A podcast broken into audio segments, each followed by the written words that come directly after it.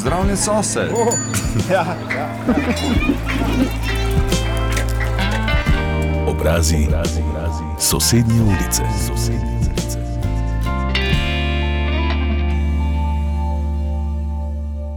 Lepo pozdravljeni. Današnja gostja oddaje obrazi sosednje ulice je dvojna doktorica znanosti Nina Dietmajer, ki raziskuje zgodovino slovenskega knjižnega jezika in književnosti. Med drugim raziskuje vzhodnoštajerski knjižni jezik, slovensko pridigarstvo, prevajanje Biblije ter slovensko crkveno in posvetno pesništvo na slovenskem štajerskem iz druge polovice 18. in prve polovice 19. stoletja. Dobrodošli. Pozdravljeni. Gospod Ditmajer, stari ste 33 let, leto nazaj pa ste že drugič doktorirali. Uh, precejšen dosežek za to starost, ali bi lahko rekli za mladost. Uh, je bilo pri tem veliko odrekanj? Ja, biti doktorski študent, doktorski študij, torej je v mojem času trajal tri leta in mislim, da so ga sedaj podaljšali in zdaj traja celo štiri leta. Torej, doktorskemu študiju se moraš, verjetno tako kot uh, se posvetiš svoji družini, možu, otrokom, se moraš torej v polnosti posvetiti. In zaradi tega bi rekla, da so bila prisotna velika odrekanja. Torej, da sem lahko uh, dokončala študij torej, da sem dokončala v bistvu dva študija, sem se seveda morala odreči uh, torej, družini, uh, službi, ki je v času prvega študija nisem imela, uh, torej nisem si ustvarila družine in tako naprej. Uh, tako da sedaj, ko sem končala, je v bistvu lahko za, za nazaj nadoknadim te stvari, ki sem se jim v preteklih letih morala odreči. Če se vrnemo malce nazaj na filozofski fakulteti Univerze v Mariboru, ste študirali slovenski jezik s književnostjo, kasneje pa še eh, na Ljubljanski teološki fakulteti. Zakaj odločitev za študij slovenščine in teologije? Kaj vas je pritegnilo? Študij slovenščine me je v bistvu zanimal že v osnovni šoli. Torej, jaz sem bila v osnovni šoli velik knjižni mol in sem vedela, da bom študirala nekaj v povezavi s književnostjo. Torej, ali bo to primerjalna književnost, ki je tukaj v Mariboru, sicer ni razpisana in bi morala v Ljubljano, ali pa slovenistika, ki je pa tako v Mariboru kot v Ljubljani. Um, torej, knjige, torej, odkar pomnim, sem brala tako cele dneve. Uh, prebrala sem, mislim, da celo šolsko knjižnico. Um, in ko sem hotela po nove knjige, eh, mislim, da smo imeli nek pionirski oddelek v mestni knjižnici v Slovenski Bistrici.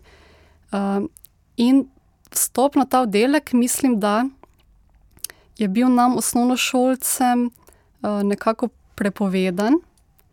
Mislim, torej nisem mogla dostopati do vseh knjig, torej do knjig eh, za odrasle. In tako sem odšla v klet, kjer je imela moja mama eno škatlo starih uh, knjig, takšnih postolovskih romanov, in sem potem na skrivaj po noči uh, brala te njene knjige.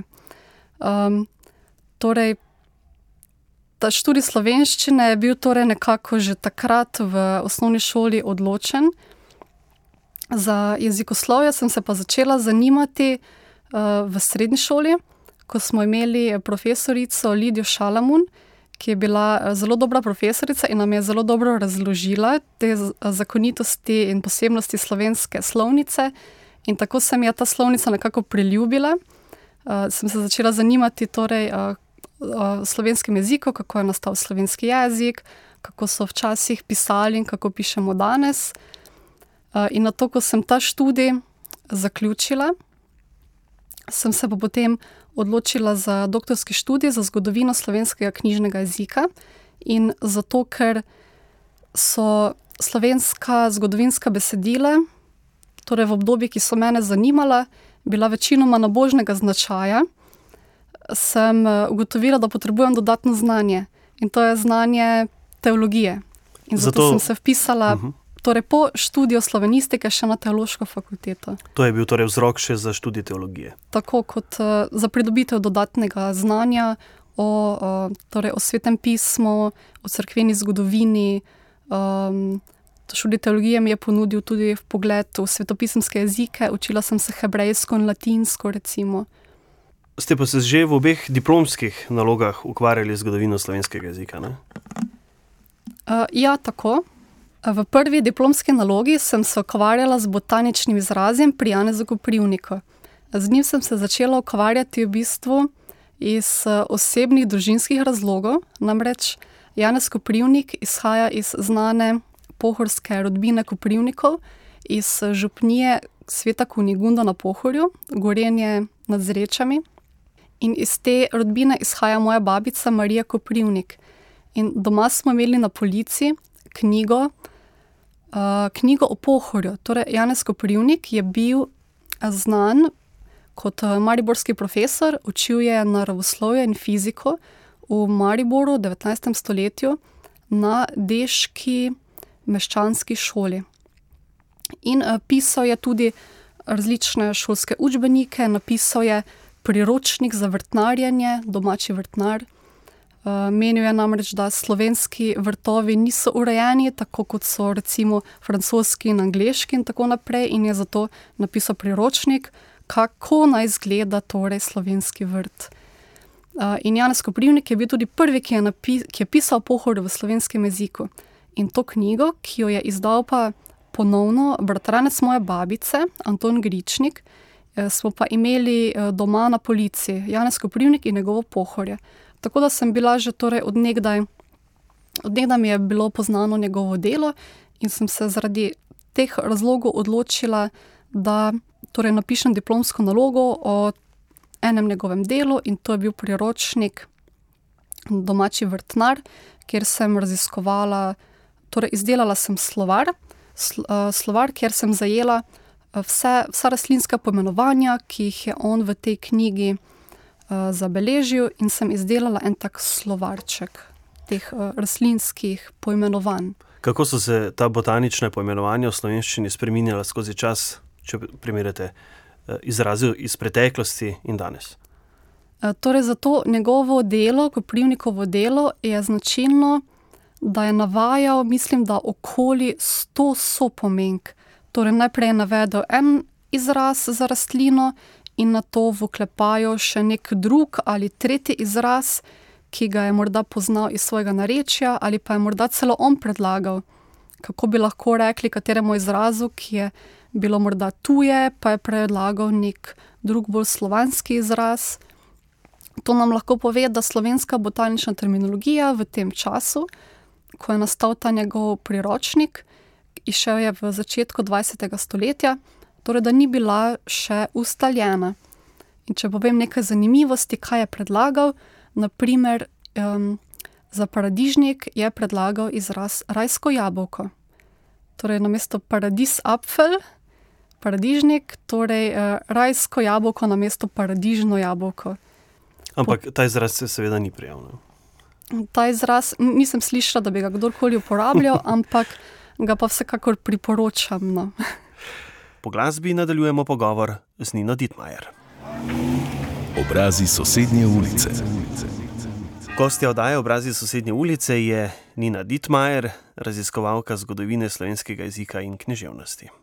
Leta dva tisoč šestnajst ste postali mlada raziskovalka na Inštitutu za slovensko literaturo in literarne vede Znanstvenoraziskovalnega centra Slovenske akademije znanosti in umetnosti in nato tam vpisali tudi doktorski študij.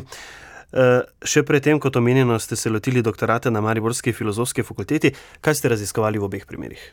Torej v prvem, v prvi doktorski disertaciji, ki je bila s področja zgodovine slovenskega knjižnega jezika, sem se ukvarjala s pridigami vzhodnoštajerskega duhovnika Jožefa Muršca.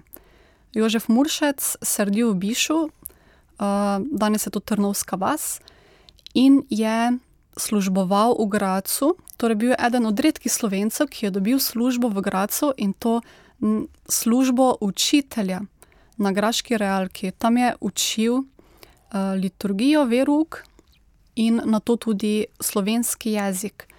In Jožef Muršec je bil torej do takrat in verjetno še danes, najbolj znan kot pisec, torej ne, ne prve, ampak v bistvu povodnikov druge slovnice slovenskega jezika, ki je bila napisana ne v nemškem, ampak v slovenskem jeziku.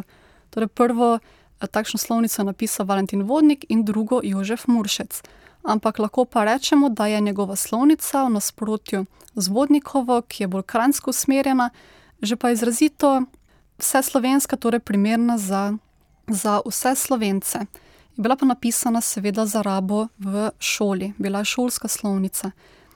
In ko sem uh, spraševala, um, ali obstaja kakšno dodatno gradivo o Jožefu Muršcu ali katerem drugem sonoštarskem duhovniku, morda kakšni rokopisi neznani, ki še jih ne poznamo in bi se jih splačalo raziskovati. Uh, mi je moj profesor na teološki fakulteti, profesor Slavko Krajc, ki je, pred, ki je predaval liturgiko, povedal, da ima zgodovinski arhiv Ptuj rokopise, rokopisne pridige Jožefa Muršca in da se doslej še nihče ni ukvarjal s temi rokopisi. In tako sem se jaz lotila teh njegovih rokopisov. V dizertaciji sem se pa ukvarjala z vprašanjem, torej v, zanimalo me je, v kakšnem jeziku so napisani ti rokopisi, torej te rokopisne pridige. Torej, ali je sledil temu vzhodnoštarskemu knjižnemu jeziku, ki ga je Peter Dajnko želel uveljaviti v štajerskem prostoru in je celo napisal slovnico, uvedel recimo črkopis, Dajnčico in tudi te eh, pridige so napisane v tem posebnem črkopisu. In ali se je morda odklonil od eh, njegovega, torej od njegovih slovničnih predlogov, morda zaradi tega, ker je bral kakšne kranske knjige in je raje prevzemal kranske značilnosti ali je sledil torej tej vzhodno-štajerski knjižni normi. Namreč eh, zagovarjam eh, teorijo, da sta do sredine 19. stoletja na današnjem, eh, slovensk, današnjem slovenskem etničnem prostoru obstajala dva knjižna jezika. To sta osrednje slovenski, ki je izhajal iz alpske jezikovne tradicije, in vzhodno-slovenski, ki je izhajal pa iz panonske jezikovne tradicije, in njegov jezik sem umestila torej v to panonsko jezikovno tradicijo. Zakaj dva doktorata? Uh, torej, v času, ko sem pisala v Mariboru prvi doktorat, sem bila tako rekoč brezposelna. Uh, šolnina je bila izredno visoka, sedaj je precej nižja. Ne vem točno, kakšna je višina trenutne šolnine, za, doktorski, za doktorski študij, ampak leta 2012, ko sem se jaz upisala, je bila šolnina 4000 evrov na leto. In to šolnino mi je pokrila ustanova Patra Stanislava Škrabca, eh, ki me je štipendirala dve leti. In tako rekoč, eh, sem bila v tem času bila torej brezposelna uh, in sem izredno težko uh, torej, shajala in uh, hkrati torej živela in študirala. In zato sem seveda iskala službo, kar se je uresničilo, ko je inštitut, torej ko je ZRC SAZU razpisal mest, delovno mesto za mlade raziskovalce. In takrat sem se prijavila uh, za mlado raziskovalko na uh, dva inštituta, na ZRC SAZU, in bila sprejeta torej, leta 2016, torej še preden sem končala tukajšnji Mariborski študij, sem bila sprejeta na delovno mesto mlade raziskovalke, ki pa je seveda zahtevalo, da se prepišem um, in da začnem raziskovati eno drugo temo. Torej, takrat sem se torej prepisala uh, na podiplomsko šolo ZRC SAZU in začela z novim doktorskim študijem literatura v kontekstu, kjer pa sem raziskovala pesništvo, torej posvetno in nabožno pesništvo v deželi Štajerski v 18. in 19. stoletju. Čeprav ste zdaj v službi na delu v Ljubljani, ste vse čas nekako vezani na ta štajerski del Slovenije. Rojeni ste v Mariboru, živeli pa ste v Slovenski Bistrici. E, tako je. Torej, od, od rojstva že živim v slovenski Bistrici, tam sem obiskovala tako osnovno šolo kot gimnazijo. Namreč, ko sem končala osnovno šolo, sta se v slovenski Bistrici in slovenskih konicah ustanovili novi gimnaziji. In takrat nas je torej večina odšla uh, v gimnazijo Slovensko Bistrico in ne v Maribor. In mislim, da so samo trije moji sošolci odšli v Maribor in sicer na prvo in drugo gimnazijo, vsi ostali pa smo odšli v Slovensko Bistrico, da smo torej lahko še naprej ostali uh, blizu svojega doma in tako rekoč imeli nasprotjo uh, z sošolci, ki so šli v Maribor, tudi več prostega časa. Z nami je dvojna doktorica Nina Dietmajer, ki ostaja v družbi Radia Maribor. Še naprej. Obrazi sosednje ulice. V naši zgodnji popodanski sobotni družbi je dvojna doktorica Nina Dietmajer, ki raziskuje zlasti zgodovino slovenskega jezika. No, v času študija pa ste bili tudi glavna urednica literarno-jezikoslovne revije Liter jezika. Uh, gre za literarno jezikoslovno revijo študentov Mariborske filozofske fakultete. Morda vprašanje, kakšen je odziv študentov za samo sodelovanje, kak uredniški pečat ste ne na zadnje želeli dati sami reviji? Torej, revijo Liter jezika smo ustanovili, mislim, da v drugem ali tretjem letniku fakultete leta 2010 in ravno lani smo želeli praznovati deseto obletnico te revije, vendar nam, so nam zdravstvene razmere to žal onemogočile. Um, To revijo smo ustanovili torej jaz, Tonja Jelen, Denis Škofič, David Kunstek Kneževič, in prevajalka Viktorija Aleksovska. V tej reviji smo v bistvu objavljali literarne prispevke naših študentov, torej poezijo, prozo, dramatike, mislim, da nismo dobili v, velikih količinah.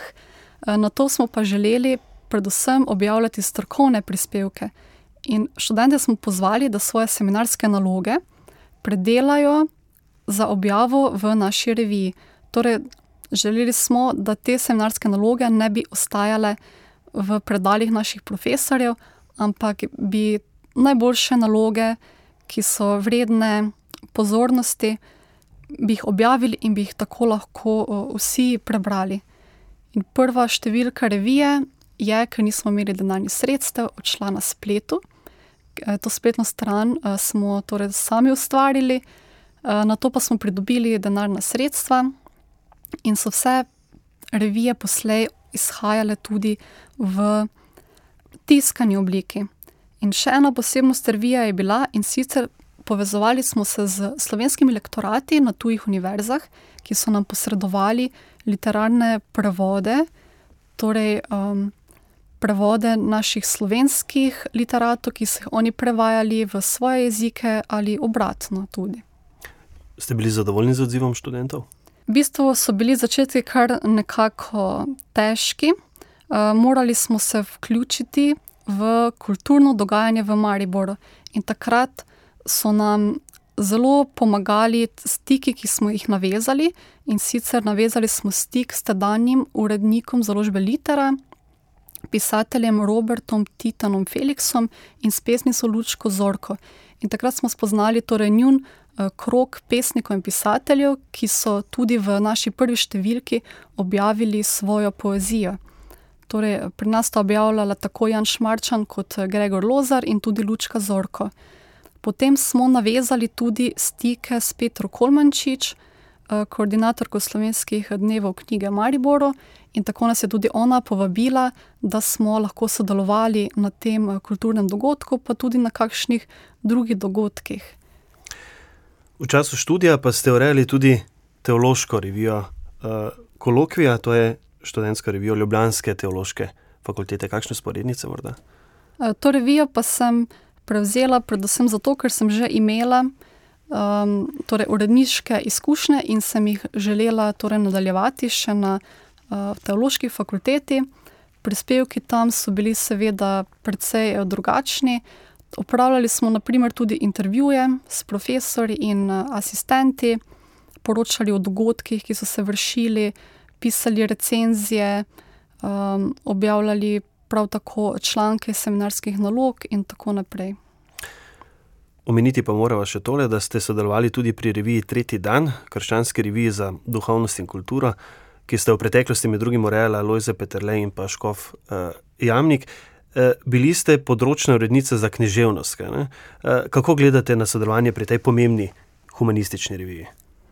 Torej, ko, se je, ko sem jaz vstopila kot uh, področna urednica za književnost, se je oblikovala nova uredniška ekipa pod uh, glavnim uredništvom Leona Jagodice. Um, in urednik si je uh, zaželel, da bi ta revija imela več literarnih prispevkov. In tako se je v bistvu začelo moje iskanje pesnikov in pisateljev, ki pišejo nekoliko bolj um, religiozno, nabožno ali duhovno obarvano literaturo. To je v teh časih kar izziva. Ne? To je bil za me velik izziv, saj je ta krok pesnikov in pisateljev, ki sem jih naprimer eh, spoznavala, ko sem urejala naprimer liter jezika, je bil precej, precej bolj drugačen. No. Torej, nihče od eh, pesnikov, ki sem jih poznala, ni torej, pisal striktno nabožne poezije in tako sem torej, morala iskati avtorje povsem na drugih področjih.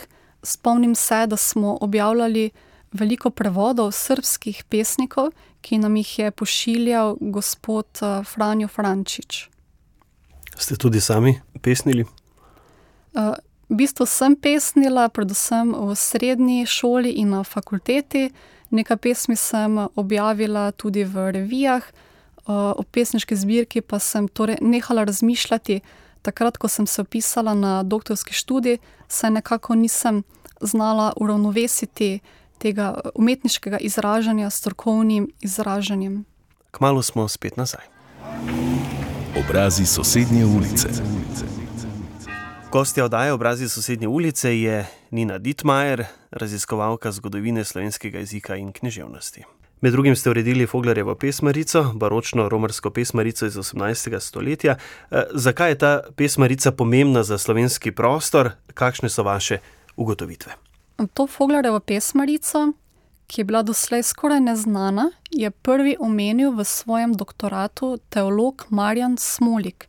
In od takrat se, sto, se s to pesmarico dejansko ni nihče ukvarjal. In v sklopu svojega doktorskega študija na podiplomski šoli ZRC SAZU sem morala pripraviti v sklopu predmeta digitalna humanistika in eh, drugega predmeta baročno slovstvo eno elektronsko znanstveno kritično izdajo enega štajerskega rokopisa. In tako sem opazila, da v primeru Foglarjeve pesmarice gre za najstarejšo štajersko pesmarico, oziroma najstarejši štajerski rokopis pesmi, v tem smislu, uh, da so ga napisali štajerci in je bil namenjen vernikom v štajerskih župnijah. In ta pesmarica vsebuje 24 pesmi, večinoma marinih, ki niso tako rekoč znane v dobenih drugih pesmaricah. Uh, vsebina te pesmarice nam pove, da so bile namenjene romarjem v Gornje Štajerski Marija Cel. In gre za slovenske, verjetno slovenske prevode nemških pesmi ali pa celo za izvirne pesmi. In te pesmi je leta 1760 napisal učitelj v Gornji Sveti Kunguti, ki je takrat spadala pod župnijo Kamnica pri Mariboru, uh, Jožef Glazer. Jožef, Jožef Glazer pa je, glede na uh, dosedanje zgodovinske raziskave, uh, je najstarejši izpričani prednik te znane ruške rodbine Glazer, iz katere izhaja še več pesnikov, naprimer v 19. stoletju, Marko Glazer, kanonik, v 20. stoletju pa Janko Glazer in uh, njegova črka Alenka Glazer. Marija Cel, takrat je bilo to uh, precej znano romarsko središče. Ne?